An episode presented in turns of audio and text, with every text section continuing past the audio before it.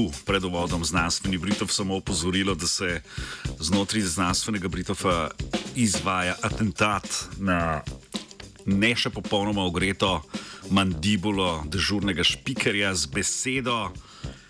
Ne physical review fluids, to je ok, ampak veščci, veščci, veščci je ena beseda, veščci v eščci, veščci, veščci, ajmo, da vidim, kako se bom zlomil. Kdo je ta, da grem po Lauberhornu ali pa dol, ne, celo po kar po Kitzbilu, po ta hudi notor v mišnico bom zdaj skočil. Skratka, naslov današnjega Britofa je: Veščci, čistite cestišče.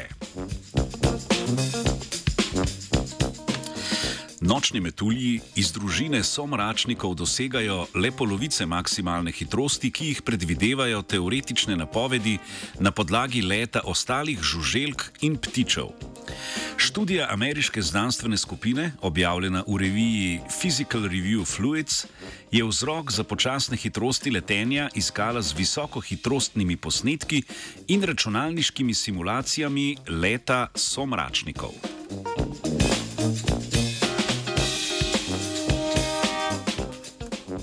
Z vidika inženirstva in robotike sta najzanimivejša načina letenja lebdenje in let naravnost naprej.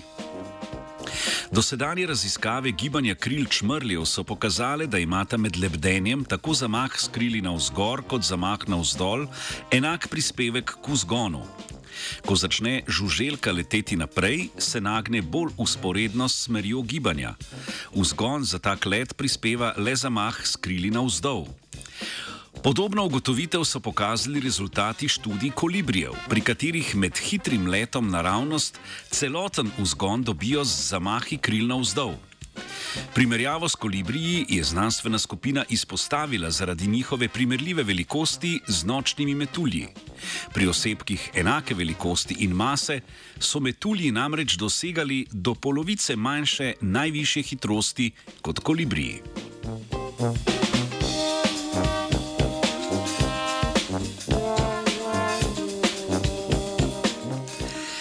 Eksperimentalni del raziskave so znanstvenice in znanstveniki opravili v vetrovniku oziroma vetrnem tunelu z visokohitrostnimi kamerami, kar je omogočilo tridimenzionalne posnetke somračnikov.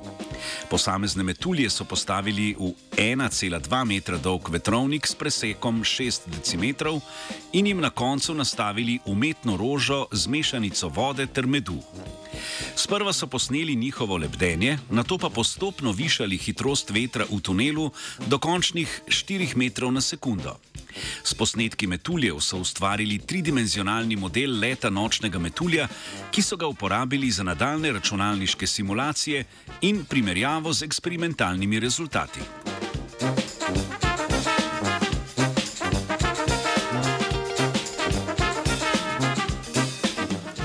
Raziskovalna skupina je ugotovila, da se metulj med lebdenjem postavi skoraj navpično. K vzgonski sili tako doprineseta tako zamah navzgor kot zamah navzdol.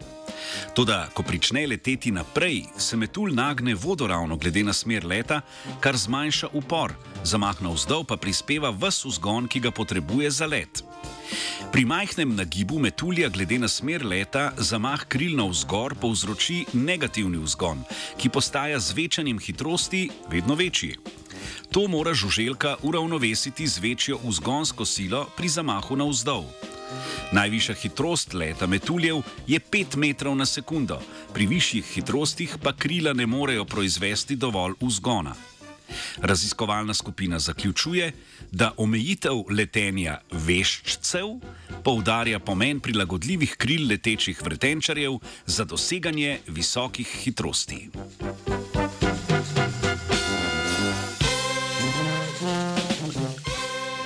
Aerodinamike metuljev je vešča Tina.